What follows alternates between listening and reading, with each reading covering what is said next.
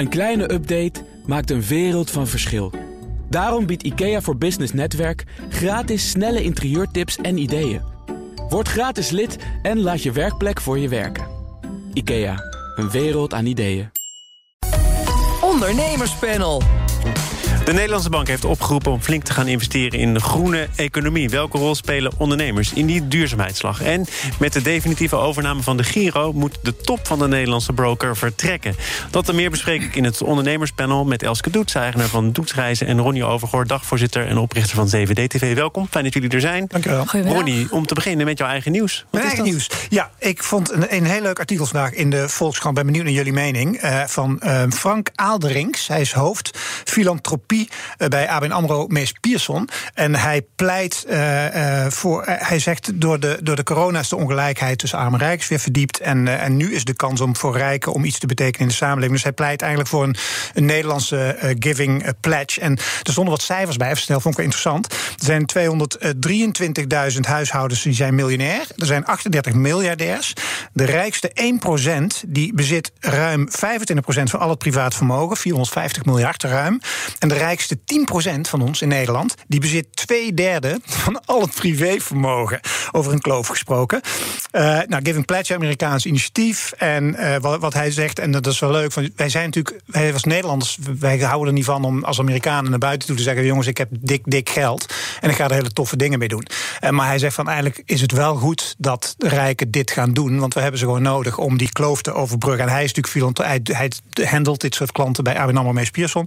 Dus wat mij betreft is het uh, tijd voor de, wat is het, de John de Mols, de Won Jips, de Marcel Boekhorens, de meneer Ventenen van Vlissingen. Die kunnen alvast niet meer terug, die zijn al genoemd. Ja, die, ik vind dat die wel, uh, zeg maar, uh, naar buiten moeten komen. Volgens mij is het, het, tegenargument altijd dat je dit op andere manieren zou moeten organiseren, namelijk in de vorm van belastingen of andere ja, regelingen, en dat het anders te vrijblijvend wordt. Ja, aan de andere kant kan ik me voorstellen, als ik het geld zou hebben, zou ik het liever op deze manier doen, want dan kan ik zelf beslissen wat ik ermee doe. Terwijl, en, het, en wat ze in het artikel ook zeiden, is als je het wil weer in de belastingen gaan doen, in de vermogensbelasting, dan duurt het weer.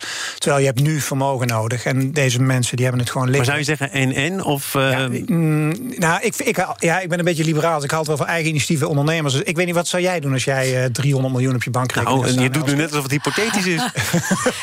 nou, ze heeft er 100, maar stel je er 300 had. Ik zit uh, op dat punt echt heel Amerikaans in de wedstrijd. Want ik weet dat zulke soort mensen hebben vaak wel een soort stichting... Uh, waarin ze dan ja. dus giving back doen. Maar dat is dan dus heel erg uh, verdekt. Precies. En in Amerika kom je in een museum en dan zie je gewoon... Uh, meneer Overgoor heeft 100.000 ja. euro aan het Rijksmuseum gegeven. Ja. Met naam en toenaam. En um, ja, ik, ik pleit heel erg, ook als ondernemer... dat, uh, dat je inderdaad ook op andere vlakken, dus op maatschappelijke vlakken, hè, bijvoorbeeld onderwijs, we ja. hadden het net over gezondheidszorg, ja. dat je dan dus ook het verschil kan maken waar ja. de overheid eigenlijk dingen soms niet helemaal zo snel in beweging kan krijgen. Ja. En, en ik, ik heb bijvoorbeeld mijn Young Lady Business Academy. Hij gaat weer uh, beginnen, hè? Precies. Ja. Uh, daar geef ik dus, heb ik dus de afgelopen vier jaar 50 tot 80.000 euro van mijn eigen geld ingestoken. Ja. Voor gewoon een maatschappelijk uh, probleem. Uh, ja. Waarvan ik zeg. ja, ik ga dat gewoon hier, hier. proberen op te lossen. Het belangrijkste argument van Frank Aderings over dat je het wel op zijn Amerikaans moet doen, zegt hij het goed voorbeeld doet goed volgen. Dus hij zegt als, als we een paar van dit soort types hebben die daar gewoon openlijk over zijn, dan gaan andere mensen het ook ja, doen. Ik ben nu open. Ja, nou, heel maar goed. het is natuurlijk een soort bescheidenheid ook van mensen die het misschien niet prettig vinden om in de Ronnie Overgoor vleugel binnen te stappen van een museum. Ook als Ronnie Overgoor niet. Ja, zover is het gelukkig uh, vooralsnog niet. Maar ja, nee, maar goed, dat, dat is weer uitwerking. Maar de, ik, ik vind het op zich van meneer Aalderings van ABN AMRO Pierson vind ik het een goede oproep uh, voor de echte rijken om, uh, om daarmee naar buiten te komen en om de wereld te veranderen. Elske, wat is jouw nieuws? Nou, ik wil het graag. Uh, ik zit natuurlijk in de reizen, dus daar wil ik het natuurlijk weer even over hebben. Ja. Deze week uh, is natuurlijk voor wij Brals. Uh, is er toch weer wat uh, silver, silver lining aan de horizon gekomen, zo zie ik het al waar. Uh, wat ja, het negatieve reisadvies wordt opgeheven na maanden. Ja, kun jij nog even uitleggen wat er precies voor ja. in de plaats komt? Uh, dat Als je klopt. kleurenblind bent, dan heb je een probleem. Dat klopt ook, ja. nou ja, wij mochten dus van onze minister-president natuurlijk zeg maar maandenlang niet op reis als het niet noodzakelijk was. Dus als je geen sterfgeval had of diplomaat bent, dan mocht je, dan mocht je op reis, maar voor de rest mocht je niet reizen. dat betekende dus dat reisorganisatoren, zoals ik, ANVR-leden, geen vakantiereizen mochten uitvoeren. Het liefst ook niet verkopen. Mhm. Nou, dat gaat eraf.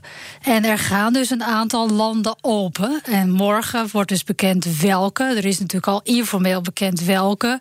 Dus dat zijn een aantal uh, uh, bestemmingen. Bijvoorbeeld, ik ben blij met IJsland. Ik wist al dat ze open gingen. Maar bijvoorbeeld ook de Spaanse eilanden, Griekenland. Uh, Finland. Dat zijn, dus het is nog heel erg weinig. Want er is natuurlijk veel meer in deze wereld. Het, het is goed dat je het zegt. Je, je, zegt het ook vaker. Uh, jij was afgelopen zondag, denk ik, op televisie. Ja. Ik zeg er meteen bij: ik heb het gemist. Maar ik was er toch van op de hoogte, omdat ik het op Twitter voorbij zag komen. En daar ben je natuurlijk ook, neem ik aan, al op voorbereid. Maar dan zijn er altijd mensen die zeggen: joh, daar zit mevrouw Doets en die doet net alsof toerisme en vakantie, als dat is waar het in het leven om draait. Uh, heb je dat gemist? Uh, die, kan ik me niet voorstellen namelijk. Die kritieken. Ja? Nou ja, ik, ik, serieus, ik, ik vraag me af hoe je daarmee omgaat. heel goed dat uh, uh, ik zat daar aan tafel met een ziekenhuisbestuurder.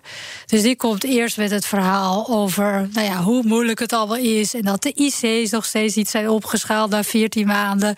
en hoeveel uitval er is. En dan daarna mag ik mijn verhaal gaan doen over wanneer kunnen we weer op vakantie. Want daar snakken mensen dat, vind, dat vond je zelf ook ongelukkig? Nou ja, het is wat het is. Maar wat programma uh, kijk, Humberto. Uh, oh, Inderdaad, gezondheid is natuurlijk prioriteit één. Dat is een eerste levensbehoefte. Reizen is dat niet.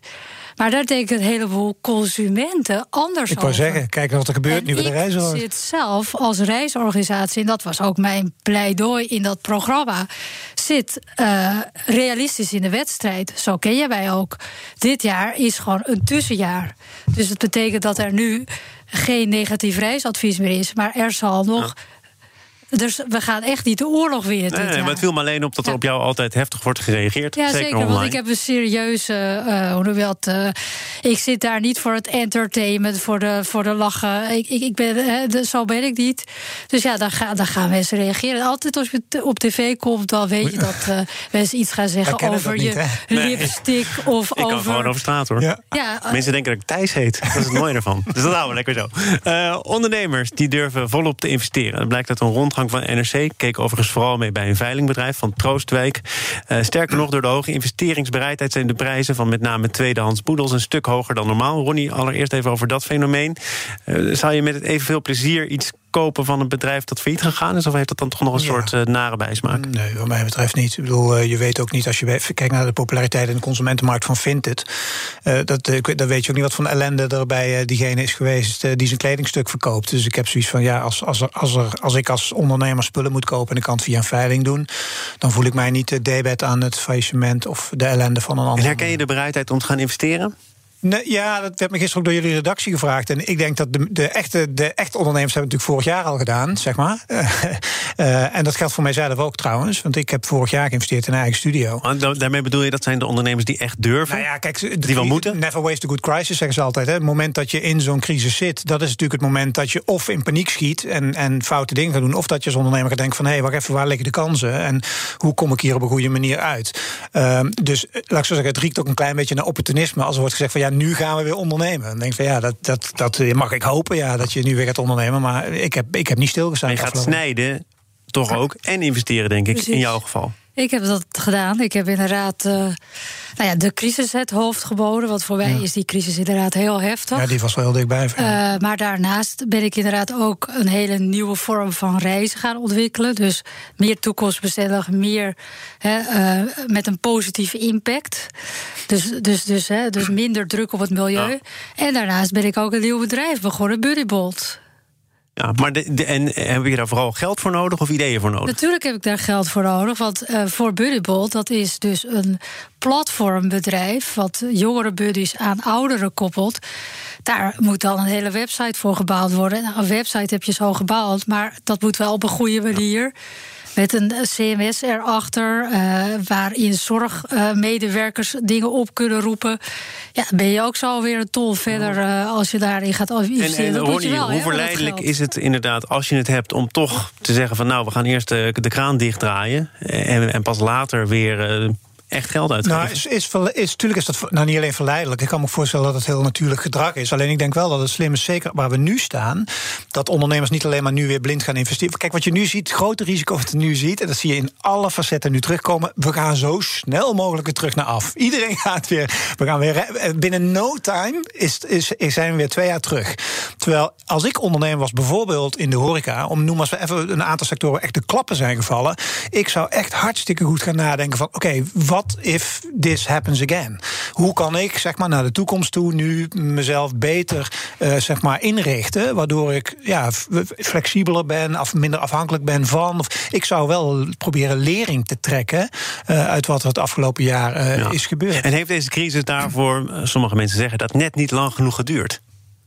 Nou, als je niet echt vindt, uh, toch, ik vind hem op zich wel lang genoeg. Nee, voor, een, voor een reset, om het heel modern uit te drukken. Nou ja, kijk, ja, ja, dat is een goede vraag. maar ik, dat ik denk dat het ook heel erg van je karakter afhangt. Ja. Uh, want ik heb ook best wel wat ondernemers uh, gementord in deze coronacrisis. En je ziet toch bij velen dat ze inderdaad heel erg die afwachtende houding hebben. Dat wordt natuurlijk ook eigenlijk gepamperd door de overheid. Hè, want er wordt steun gegeven.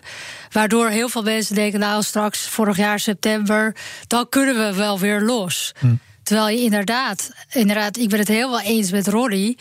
Ik heb mij ook in het begin afgevraagd van waarom overkomt ons dit, hè, corona, en hoe lang gaat dit duren? In mijn optiek zou het best wel zo kunnen zijn dat dit ons tien jaar lang blijft achtervolgen, omdat er hypothetisch nog ergere pandemieën ons zouden kunnen overkomen. En daar moet je dus je bedrijf op inrichten. maar als je toch op zoek bent naar bijtende commentaren na afloop, dan moet je nog een paar keer zeggen dat de overheid gepamperd heeft, want er zullen heel veel ondernemers zijn die dit als bittere noodzaak ervaren. En die ondanks het pamperen toch nog te maken krijgen met uh, fikse nee, tekorten. Uh, nee, maar kijk, ik bedoel ermee dat als je geld krijgt van de overheid, dan uh, je denkt, nou, het is over een paar ma maanden voorbij. Dat dachten heel veel ondernemers vorig jaar. Dan wacht je af. Ja, je Terwijl je eigenlijk op ja. dat moment die windstilte moet gebruiken om je te hervormen. En dan is het de vraag: heb je het vermogen en ook ja, hoe zit je in de wedstrijd om dat ook te gaan doen? Ja, juist op dat soort momenten. Ja. Wat bedoel je daarmee? Juist nou, juist op het moment dat je in je hoofd in paniek zit. En denkt van, kijk, ik had natuurlijk hetzelfde. Mijn omzet ging van, 0 naar, van 100 naar 0 procent. Weet je wel, in drie dagen tijd. Dus dat is best wel een klein paniekje, weet je wel. Uh, en bij mij, en dat wist ik ook van tevoren niet, maar ik ga dan aan. Terwijl, ik weet ook niet of, dat, of dat een een, een, of dat nou een talent of een gave of dat je dat kan leren, dat weet ik niet zo goed. Maar het is wel, ja, ik vind het wel te gek als ik nu terugkijk wat er bij mij gebeurd is in een jaar tijd. Ben ik, zeg maar, het klinkt misschien bizar, maar ben ik corona zakelijk gezien best wel dankbaar, zeg maar. Mij heeft het veel gebracht. En je zoon met zijn sportschool? Ja, die heeft een taf jaar gehad. Maar die is heel blij dat hij volgende week weer uh, eindelijk de, de school kan gebruiken. Maar hij heeft het gemanaged met zijn tentje. Ja. We gaan naar een uh, ander bedrijf in zwaar weer. Zaken doen. En dat doe ik samen met het ondernemerspanel. Elske Doet zit erin van Doetsreizen en Ronnie Overgoor van CVD-TV, ook dagvoorzitter. Het gaat over de Giro, want direct na de definitieve overname van de Giro... Uh, snijdt het Duitse Flatex flink in de top van de grootste Nederlandse broker. De topman die moest uh, onverwachts vertrekken, geldt ook voor een paar topmanagers. Ja, de vraag is, Ronnie, hadden ze dit kunnen zien aankomen? Of zijn er echt heel andere beloftes gedaan toen die overname ter sprake kwam? Op die vraag kan ik geen antwoord geven. Nee, maar wat denk je? Want, wat denk je? Want nou, ik, kan, ik kan misschien voor een deel ja. uh, wel een antwoord geven op basis van gesprekken die ik gevoerd heb met, met, CEO, de, ja. met de CEO. Die is hier namelijk geweest. En die ging er toch echt vanuit dat hij ook onder de hoede van Flatex wel voor het zeggen zou hebben over die Nederlandse tak. ik, ik, heb ook het, uh, dat, ja, het, het, klinkt in ieder geval van buitenaf uh, alsof het toch als een soort van verrassing komt dat ze in één keer uh, als een storm binnenkomen waaien en, het, uh, en een soort takeover doen. En van, en van hieruit gaan we zo verder. Dus uh, volgens mij was het inderdaad niet verwacht. Nou, laat ik het zo zeggen. Kun je het voorkomen? Want je, je zit met elkaar om de tafel. Je denkt een deal te hebben onder bepaalde voorwaarden. En de deal is beklonken en de situatie is totaal anders. In algemene zin, los van deze casus kan ik me voorstellen dat het, het, ja, je komt wel als jij als, uh, als onderneming en je gaat je verkopen aan een grotere onderneming die internationaal opereert. Ik denk dat je dan wel mag, dan, dan weet je dat er dingen kunnen gebeuren. Ja. Uh, alleen ja, dus het is naïef om te denken dat alles blijft zoals het was. Ja. Dat dat zeker. En ik zou wat over dat, uh, ja, dat toezicht gebeuren willen, willen zeggen eigenlijk. nou, dat mag wel hoor, want daar valt er wel wat over te zeggen. Zo. Ja, want als je al die stukken leest, dan zie je dat eigenlijk. Je, je vraagt je bijna af: ze nog iets anders? Is er nog een andere activiteit dan toezicht houden? Hè? Het hangt bijna aan elkaar vast van toezicht houden. En dan nog gaan er dingen gruwelijk fout. En er zijn dus consumenten die hun geld daar als klant in stoppen. Ja, ja en dan, ja, dat, daar ja, word ik toch wel wat uh, verdrietig van. Want uh, ja, als je klant wil worden, moet je ook vaak allerlei dingen doen om aan te tonen dat je oké bent, waar het geld vandaan komt. Maar dan uiteindelijk. Maar dat is onvoldoende. Maar er wordt een deel van de kritiek is volgens mij dat uh, de compliance van de Giro uh, tekortschoot. Ja. Een ander bezwaar is dat er uh, gebruik gemaakt wordt van niet gekwalificeerde beleggingsfondsen. dat zijn geldmarktfondsen. Ehm, dan speelt er nog eventuele belangenverstrengeling. Dat is volgens mij voor een deel alweer, alweer verholpen. Maar de, de CEO die was hier dus een tijdje terug, Esmond Berghout, en die zei het volgende dit, is een, traject wat, eh, wat, wat jaren loopt. Uh, je kunt ook zien tussen het publicatiemoment en, en, en de data die in het rapport genoemd staan, dat dat niet van gisteren was. Ja, wij hebben ontzettend hard gewerkt uh, met elkaar binnen het bedrijf om, om, om aan al die zaken verbeteringen door te voeren. En de AFM heeft daar ook naar gekeken en heeft ook gezegd van nou, de 80% van de punten zijn opgelost. De resterende punten lossen we in goed overleg met de AFM op. Ja, maar Elske, dat hoeft dus niet meer. Want het is nu een uh, Duits bedrijf met een Duitse vergunning en een andere toezichthouder. Is het nou een hele uh, simpele manier om van die horzel, om van de AFM af te komen? Ja, dat zou je bij de afvragen. Waarbij mijn ervaring is, want ik doe zelf ook veel zaken met Duitse uh, ondernemers. Dat die veel strenger en veel regelgevoeliger zijn dan wij. Ja, kijk maar naar Wirecard, hè. daar zitten ze er bovenop. nu. Dus, ja, maar, ja, dus, maar... dus maar, en die CEO komt ook van Kempen, dus dat is niet zomaar iemand. Wat denk jij hiervan? Dat de AFM op deze manier toch op slinkse wijze. Thomas, ik, weet, ik weet het echt nee, niet. Maar ik weet het ook niet. Maar... Ik had het enige wat ik. Wat, de indruk die ik had was dat de Nederlandse directie. zeg maar op een hele enthousiaste en positieve manier aan het bouwen was aan de Giro. Dat idee had. Dat, dat, dat is het idee wat ik ervan heb. Uh, en, en dat dit inderdaad nu wel een soort van verrassing is. Maar ik ken de ins en de outs. Maar je probeert natuurlijk. Uh, jij kent ook de persberichten, want die krijgen we allebei, ja. vermoed ik. Uh, jij kent ook alle formuleringen. Er staat: we verwachten naast verdere kostenbesparingen een verbetering van het risicoprofiel, maar ook van de effectiviteit en de mogelijkheden. Ja.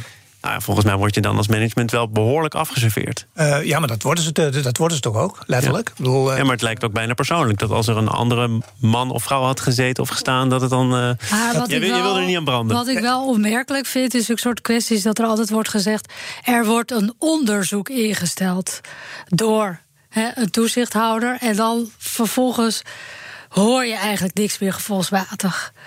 Nou, ik geloof dat de AFM en de Giro elkaar de afgelopen jaren wel hebben bezig gehouden, hoor. Maar 80% voldoen aan hè, 80% van wat de AFM al stelt, vind ik dan nog veel te weinig. Weet je, het allerbelangrijkste is bij dit soort organisaties, vind ik, in algemene zin hoor, weer, is dat ze. Ik vind integriteit hierin is zo cruciaal. Want wat er nu gaat gebeuren, is dat hele volkstammen gaan nu. Dit wordt het nieuwe pensioen, hè? Ik bedoel, uh, de hele jonge generatie hangt op de Giro of op dat soort platforms. En uh, de, dus ik vind het belang van dit soort bedrijven en dat zij op een integere manier opereren en dat er niet bestuurd wordt door een stel geldwolven die achter de schermen gewoon dikke, dikke knaken verdienen. Dat, dat, dat vind ik van cruciaal belang. Ja, los van deze case, maar al dit soort toko's. Maar, ja. dat bedoel ik dus ook met mhm. inderdaad die consument moet inderdaad, die geeft zijn geld, zijn goede vertrouwen. Ja. En dan gaat het toch, ondanks alles wat er aan toeters en bellen zitten, gewoon gruwelijk mis. En keer op keer. En dat.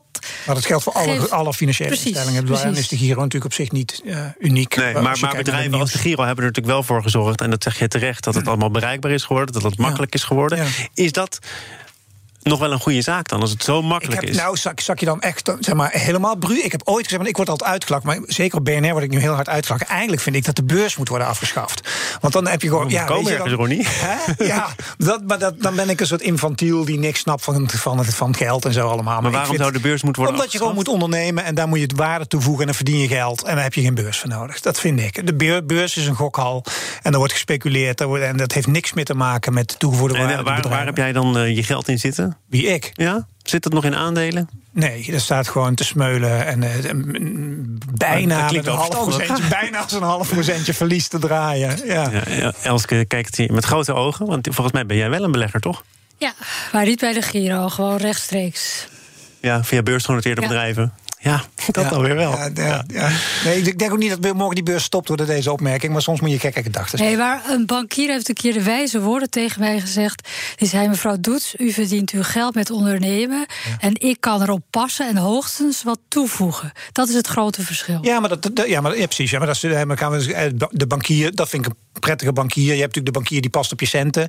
En je hebt de bankier die gaat speculeren met je centen. Dat is natuurlijk ook. Ja, nou ja. Nou, maar kan een, kan, een, kan een bankier of de Giro, een financiële instelling, ooit genoeg doen. Hè? Bedoel, je, je, je kent de schandalen. ING, ABN AMRO, eh, ze zullen ze ongetwijfeld volgen. De Giro is misschien van een andere orde. Maar het gaat hier wel om consumenten die in goed vertrouwen uh, geld tallen bij de bank. Die bank die kan er dan dingen mee. Uh, geldt hier ook voor de Giro. Kun je ooit genoeg doen? Of blijft de poort naar uh, criminaliteit of naar onvoldoende toezicht altijd openstaan. Ik weet, ik weet niet in hoeverre de mens van, van nature greedy is. Dat, dat, dat greed uiteindelijk. Kijk, ik, heb, ik, ben, ik ben groot fan van Coolblue, hè, Pieter Zwart. Maar ik was dat ook van Google ooit. Want die zeiden ooit: hè, we don't do evil. Nou, ik heb nu wel dingen meegemaakt dat ik dat bij, bij Google is dat wel wat afge nou, bij Pieter nog niet, maar die gaat nu misschien straks ook de beurs op. Uh, ik vond hem altijd, ik zou als, als Coolblue morgen een product verzint, auto, energiebedrijf, boeit niet, ik neem het. Want uh, weet je, zij staan voor mij in. En zij, als ik shit heb, lossen zij het op. Zij maken mij lachen. Dat is tot in hun poriën hun bestaansrecht. Dat mag winst ja. kosten volgens mij ook. Dat soort bedrijven, daar ben ik enorm fan van. En als maar je die, was je dan fan van Google? En, nou, omdat ik ze in het begin, omdat ik in het begin vond ik ze echt een prachtig bedrijf die heel veel voor mij betekende. Alleen, maar goed, heel. Dus, maar dan kom je dus nu op de vraag van. Ik zou het uiteindelijk om hebzucht. Nee, dat is met, precies. De vraag is: als je uiteindelijk het grote geld kan verdienen, word je dan gewoon greedy en, en gaat hebzucht dan een rol spelen en gaat het dan ten dupe van de klant of de consument uh, ja, ik kijk dus helemaal niet naar sympathie. Ik kijk natuurlijk wel naar sympathie, maar ik kijk wel naar waar, wat zijn trends. Ja. Dus uh, bijvoorbeeld nu ga ik in uh, vleesvervangers investeren. Ja. Ja, dat zijn dan dingen. Ja. Dus ik ga he, urban farming, zulke soort dingen. Ja, ja dus jij precies. Jij investeert bewust in, uh, in dat soort bedrijven. Ja. Zou je ook direct kunnen doen, hè, los van de beurs. Ja. Hij moet, hij moet, hij moet ja. gewoon ophouden met die beurs. Ja, we moeten over, ook ophouden met dit panel. Tot mijn verdriet. Echt waar? Ja, we hebben weer uh, advertenties, Ronnie. Oh, ja, die moeten inderdaad. Nou. Ronnie Overgoor, eigenaar van CWD-TV en Elske Doets van Does Reizen. Dank voor jullie bijdrage aan het ondernemerspanel. Zometeen wordt er gepitcht door mensen die hun geld verdienen met Een kleine update maakt een wereld van verschil. Daarom biedt IKEA voor Business Netwerk gratis snelle interieurtips en ideeën. Word gratis lid en laat je werkplek voor je werken. IKEA, een wereld aan ideeën.